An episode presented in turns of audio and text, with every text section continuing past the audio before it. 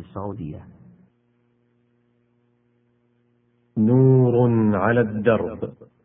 برنامج يومي يجيب فيه أصحاب الفضيلة العلماء عن أسئلة المستمعين. البرنامج من تقديم عبد الكريم بن صالح المقرن تنفيذ عبد الرحمن بن عبد الله العبيدي. بسم الله الرحمن الرحيم. الحمد لله رب العالمين والصلاة والسلام على قائد الغر المحجلين نبينا محمد وعلى آله وصحبه أجمعين. أيها الإخوة والأخوات السلام عليكم ورحمة الله وبركاته. أهلا ومرحبا بحضراتكم. إلى لقاء مبارك في برنامج نور على الدرب. ضيف هذا اللقاء هو فضيلة الشيخ صالح ابن فوزان الفوزان عضو هيئة كبار العلماء وعضو اللجنة الدائمة للإفتاء. أهلا ومرحبا بالشيخ في هذا اللقاء. حياكم الله وبارك فيكم. هذا الأخ صبري مصري ومقيم بالرياض يقول أستفسر عن معنى الآية الكريمة في قوله تعالى أعوذ بالله من الشيطان الرجيم. ما ننسخ من آية أو ننسها نأتي بخير منها أو مثلها. بسم الله الرحمن الرحيم. الحمد لله رب العالمين. صلى الله وسلم على نبينا محمد وعلى آله وأصحابه أجمعين. الآية ظاهرة على ظاهرها لأن الله سبحانه وتعالى ينسخ ما يشاء من كتابه ومن سنة رسوله. يعني يشرع والنسخ رفع حكم وإثبات آخر بدليل آخر متراخ عن الأول. قد يكون النسخ إلى بدل وقد يكون إلى غير بدل. وإذا كان النسخ إلى بدل قد يكون إلى شيء أخف من الأول أو أشد من الأول. فالنسخ ثابت في الكتاب والسنة لأن الله سبحانه وتعالى حكيم في تشريعه يراعي مصالح عباده ما يصلحهم في كل زمان ومكان فيشرع حكما يتمشى مع وقت ثم إذا أراد سبحانه وتعالى نسخ هذا الحكم بحكم آخر أو إلى غير بدل مراعاة لمصالح عباده سبحانه وتعالى. فمثلا كانت العدة للمتوفى عنها كانت العدة للمتوفى عنها في أول الأمر سنة. قال سبحانه وتعالى والذين يتوفون منكم ويذرون أزواجا يتربصن بأنفسهن أربعة أشهر وعشرا هذه الآية ناسخة لقوله تعالى والذين يتوفون منكم ويذرون أزواجا وصية لأزواجهم متاعا إلى الحول غير إخراج. فكانت العدة عدة المتوفى عنها في أول الأمر سنة ثم إن الله خفف ذلك فجعل عدة المتوفى عنها أربعة أشهر وعشرة أيام. استقر الأمر على هذا. نعم. أحسن الله إليكم. من أسئلته فضيلة الشيخ يسأل عن صيام شهر محرم كاملا. هل يصام ولماذا سمي بالمحرم وما هي الأشهر الحرم؟ شهر المحرم شهر معظم. وهو من الأشهر الحرم التي حرم الله فيها. القتال وهي آه، ذو القعدة وذو الحجة والمحرم. ثلاثة سرد وشهر رجب شهر فرد. قال تعالى إن عدة الشهور عند الله اثنا عشر شهرا في كتاب الله يوم خلق السماوات والأرض منها أربعة حرم. أي حرم الله فيها القتال. وهي هذه الأشهر ومنها شهر المحرم. وقد قال صلى الله عليه وسلم أفضل الصيام بعد رمضان شهر الله المحرم أو الذي تدعونه المحرم. ظاهر الحديث أنه لا بأس أن يصام كاملا أو يصام غالبه. وأكثره وأكده التاسع والعاشر. فيه يوم عاشوراء يصام يوم قبله ويوم بعده يصام يوم عاشوراء ويصام يوم قبله ويوم بعده كما أمر النبي صلى الله عليه وسلم بذلك. نعم. جزاكم الله خيرا وبارك فيكم. الأخ أبو عبد الله له مجموعة من الأسئلة وهو من الرياض يقول فضيلة الشيخ ما حكم المبالغة في رفع الأذان والتمطيط الزائد؟ وما الضابط في ذلك حيث أن بعض المؤذنين يمد الله أكبر يقول هكذا. ونسمع زيادات في الأذان. مأجورين. الأذان كما شرعه النبي صلى الله عليه وسلم بألفاظه وأدائه وترتيبه. ورفع الصوت به مشروع لأجل إبلاغ الناس. واليوم وجود المكبرات فيها خير كثير فإنها تبلغ الأذان. وإذا لم يكن هناك مكبر صوت فإنه يجتهد المؤذن في رفع صوته حتى حتى يسمع من حوله من الجيران. ولكن لا يبالغ في لا يبالغ في تمطيط الأذان وإخراجه عن عن حدوده وتلحينه بل يكون بصوت معتاد صوت جهوري ويحسن صوته به لكن لا يخرج إلى حد التلحين. من أسئلتي يقول فضيلة الشيخ بعض الناس يعطي الزكاة لأناس بعيدين مع أن آه، الأقارب وإخوان هذا الرجل آه، وفقراء. فما الصحيح في ذلك مأجورين؟ الأقربون أولى بالمعروف. فيبدأ بمن يعول من أقاربه ومن يبدأ بنفسه ثم بمن يعول. هذا في النفقة. وأما في الزكاة والصدقات فإن المتصدق يخص الأقارب المحتاجين. والصدقة على القريب صدقة وصلة فيها أجران أجر الصدقة وفيها أجر الصلة كما أخبر النبي صلى الله عليه وسلم. فالأقارب المحتاجون أولى بالزكاة وبالصدقات من غيرهم. نعم. جزاكم الله خيرا. الأخ آه، صلاح الدين من السودان يقول ما حكم البناء على القبور؟ فضيلة الشيخ. البناء على القبور محرم لأنه وسيلة من وسائل الشرك. قد لعن النبي صلى الله عليه وسلم من يفعل ذلك لأن هذا من سنة اليهود والنصارى. والأمم الكافرة وهو وسيلة من وسائل الشرك. فلا تبنى عليها مساجد أو قباب أو أضرحة لأن هذا وسيلة من وسائل الشرك. والنبي صلى الله عليه وسلم قال ألا وإن من كان قبلكم كانوا يتخذون قبور أنبيائهم مساجد. ألا فلا تتخذوا القبور مساجد؟ فإني أنهاكم عن ذلك. والمراد لا يصلى عندها ولو لم يبنى عليها. لا تتحرى الصلاة عندها. وإذا بني عليها وصلي عندها فهذه جريمتان جريمة البناء وجريمة الصلاة عند القبور. نعم.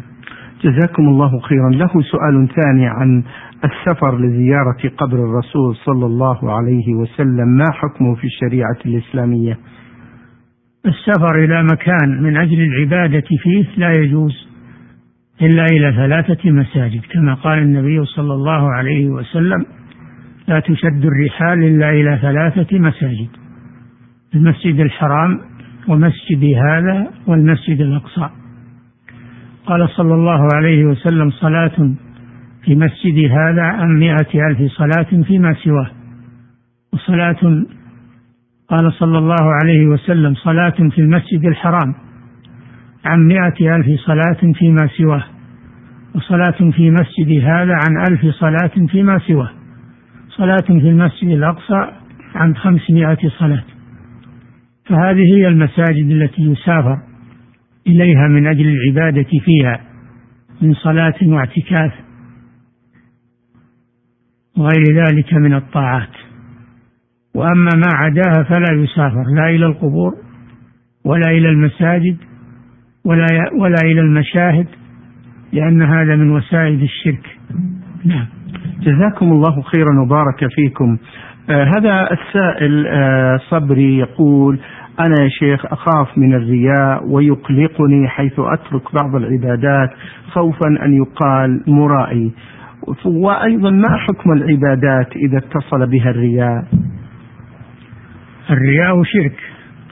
ويبطل العبادة التي خالطها. والرياء أن يراعي الناس. بأن يصلي من أجل أن يمدحه الناس أو يتصدق من أجل أن يراه الناس ويمدحوه. هذا هو الرياء والمدار على النيات والمقاصد. ولا يترك المسلم العبادة خوفا من الرياء. هذا من الشيطان. بل يخلص لله ويعمل العمل الصالح. فلا يترك العبادة خوفا من الرياء. بل يعبد الله ويصلي ويصوم ويتصدق ويخلص النية لله عز وجل. نعم. أحسن الله إليكم. له سؤال ثاني يا شيخ عن حمل المصحف في السيارة للحفظ. هل فيه بأس؟ وما حكم كثرة الحلف على المصحف؟ الحلف على المصحف لا أصل له ولا يتخذ المصحف من أجل الحلف عليه وإن هذا من فعل العوام. وأما حمله في السيارة إذا كان يحتاج إلى المصحف يقرأ فيه فلا بأس بذلك. أو كان يحمله ليوصله إلى مكان آخر أو يحمله إلى مسلم يوديه إليه لا بأس بذلك. أما أن يحمل المصحف في السيارة من أجل الحرز أو جعل المصحف حرزا للسيارة فهذا لا يجوز. نعم. جزاكم الله خيرا فضيلة الشيخ. الأخ السائل يقول تشكل علي عبارات ومنها آه، عبارة بذمتي أن أعمل كذا أو بذمتك أن تأخذ هذا. هل في هذا شيء؟ هذا حلف بغير الله. الباء القسم؟ إذا قال بذمتي لا أعملن كذا أو بذمتي لتعملن كذا هذا قسم. وحلف ولا يجوز الحلف بغير الله سبحانه وتعالى. نعم. يقول الأصل يا شيخ في الطهارة من الحدث والخبث ما الأصل فيه؟ الأصل الطهارة بالماء. الأصل أن يتطهر بالماء. والتيمم بدل عنه. هذا بالنسبة للحدث الأكبر والأصغر. إذا فقد الماء أو عجز عن استعماله فإنه يتيمم بالتراب. قال تعالى فلم تجدوا ماء فتيمموا صعيدا طيبا. امسحوا بوجوهكم وأيديكم منه. فالتيمم من الحدث الأصغر والأكبر. أما النجاسة فلا يزيلها إلا الماء لا يزيلها التيمم. لا بد من غسلها بالماء مع الإمكان إذا أمكن. نعم. جزاكم الله خيرا. يقول في سؤاله الثاني فضيلة الشيخ بعض الناس والذين عندهم شيء من البدع دائما يستدلون بحديث آه، من سن سنة في الإسلام إلى آخره. كيف نرد عليهم؟ نرد عليهم من كلامهم لأن الحديث يقول من سن في الإسلام سنة حسنة سنة. يعني أحيا سنة كان الناس قد تركوها فأحياها فله أجرها وأجر من عمل بها. أما البدعة فليست سنة. فلا تعمل بدعة وتقول من سن في الإسلام سنة. البدعة ضد السنة. قد قال صلى الله عليه وسلم من عمل عملا ليس عليه أمرنا فهو رد. وفي رواية من أحدث في أمرنا هذا ما ليس منه فهو رد. قال عليه الصلاة والسلام وإياكم ومحدثات الأمور. قال عليه الصلاة والسلام فعليكم بسنتي سنة الخلفاء الراشدين المهديين من بعد تمسكوا بها وعضوا عليها بالنواجذ وإياكم ومحدثات الأمور فإن كل محدثة بدعة وكل بدعة ضلالة. نعم. الشيخ صالح لماذا يعني كثر كثرت البدع في زماننا الحاضر؟ ولماذا تعلق الناس بها؟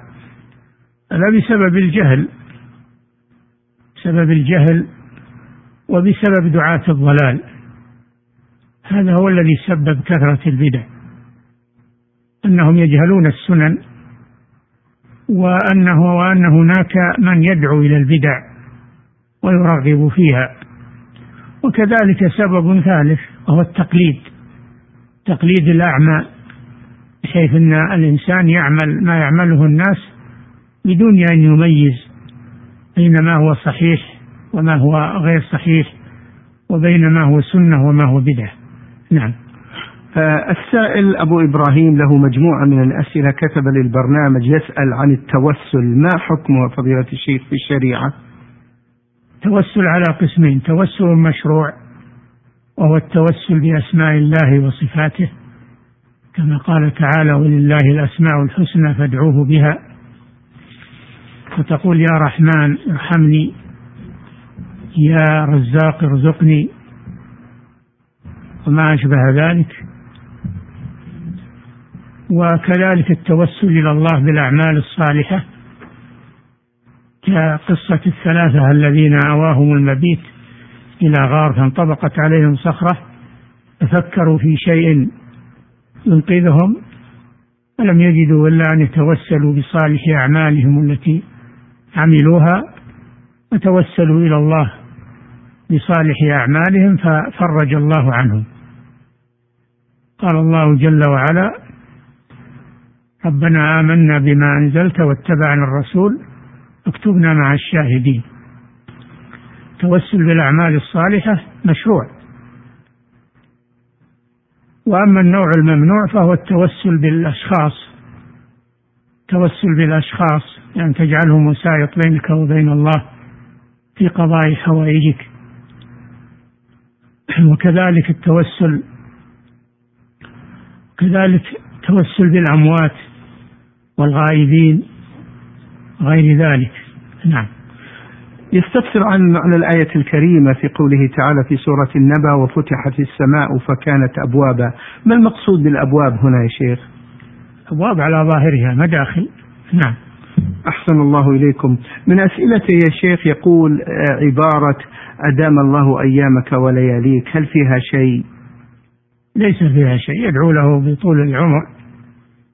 لكن لو زاد وقال طال الله أيامك ولياليك على العمل الصالح كان أحسن.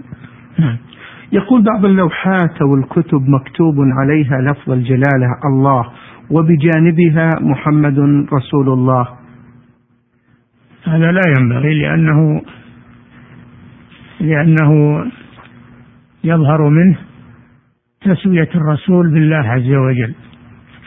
قد يكتبونه في الجدران.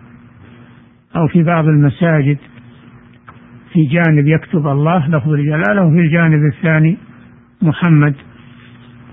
وهذا لا يجوز لأنه يظهر منه تسوية الرسول صلى الله عليه وسلم بالله أو أنه مظهر دعاء يا الله يا رسول الله. فهذا عمل لا يجوز. نعم. أحسن الله إليكم يقول في آخر أسئلته يردد بعض الناس عبارة لا سمح الله. هذا دعاء. يدعو الله بأن لا يقدر هذا الشيء. نعم. جزاكم الله خيرا. السائل ألف جيم باء من آه، أبها يقول ما حكم التفريق بين الجالسين في الصف الأول من يوم الجمعة؟ ومتى تبدأ ساعة الإجابة لهذا اليوم الفضيل؟ ومتى تنتهي؟ تفريق بين اثنين؟ هذا منهي عنه. نهى عنه الرسول صلى الله عليه وسلم. يوم الجمعة إلا إلا برضاهما واختيارهما. فلا يفرق بين اثنين. إلا برضاهما وسماحهما بذلك. وأما ساعة الإجابة في يوم الجمعة فلم تتحدد. لا يدل دليل على تحديدها بل هي محتملة في جميع اليوم. أخفاها الله سبحانه وتعالى. من أجل أن يجتهد المسلم بالدعاء والعبادة في سائر اليوم فيعظم أجره وثوابه عند الله عز وجل. والعلماء ذكروا أقوالا اجتهادية في تحديد هذه الساعة من يوم الجمعة وأقوالا كثيرة. ذكروا أقوالا كثيرة.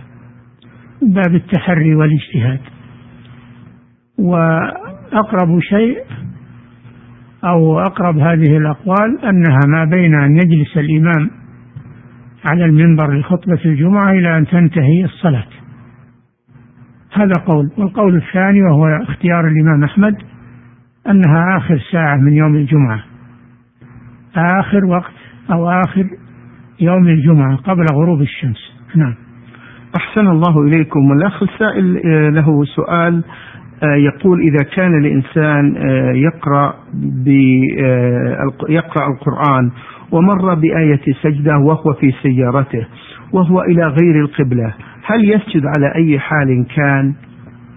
لا بأس بذلك لأن هذا نافلة ليس فريضة والنافلة تصح على الراحلة وعلى السيارة. نعم.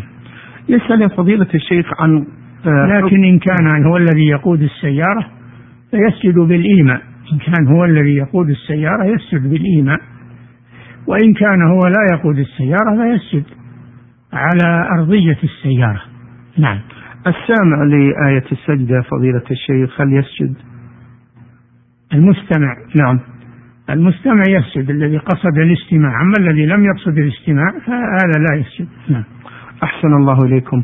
يسأل عن آه، حكم قراءة الكف. فبعض يقول النصابين يقول هات يدك وأقرأ لك الكف عن مستقبلك وعن حياتك وعن مستقبلك الدراسي وهكذا. هذا من ادعاء علم الغيب وهو نوع من الكهانة ولا يجوز. نعم. فضيلة الشيخ يسأل آه، أيضا عن آه، حكم التسمية بملاك وما رأيكم في اختيار الأسماء للأطفال وبماذا توجهون في هذا الزمن؟ اختيار الاسم من حق الأب الطفل أنه يختار له الاسم الحسن. وخير الأسماء كما قال النبي صلى الله عليه وسلم عبد الله وعبد الرحمن. فيختار لولده الاسم الحسن. وأما تسمية بملاك هذا لا يجوز لأن ملاك معناه الملك من الملائكة. نعم. جزاكم الله خيرا. الأخت السائلة أم خالد تقول فضيلة الشيخ في عام مضى وفي طواف الوداع كان هناك رعود وأمطار وهواء فخفت وارتعدت ونزل معي دم. فأكملت الطواف ورجعنا إلى الرياض مع أن هذا الدم كان كثيفا. طواف الوداع؟ نعم. يكون عليها فدية لأن الطواف لا يصح مع انتقاض الوضوء. وهذه قد انتقض وضوءها بخروج الدم من فرجها أحدثت فيكون طوافها غير صحيح وتكون لم تطف للوداع. فعليها فدية وهي ذبح شاة في مكة توزع على فقراء الحرم. نعم. جزاكم الله خيرا. فضيلة الشيخ هذا السائل آه، أبو عبد الله يقول عندما أسمع بأن هذا إنسان موحد ماذا يعني به؟ وما هو تعريف التوحيد الوارد؟ الموحد هو الذي لا يشرك بالله شيئا. والتوحيد هو إفراد الله جل وعلا بالعبادة.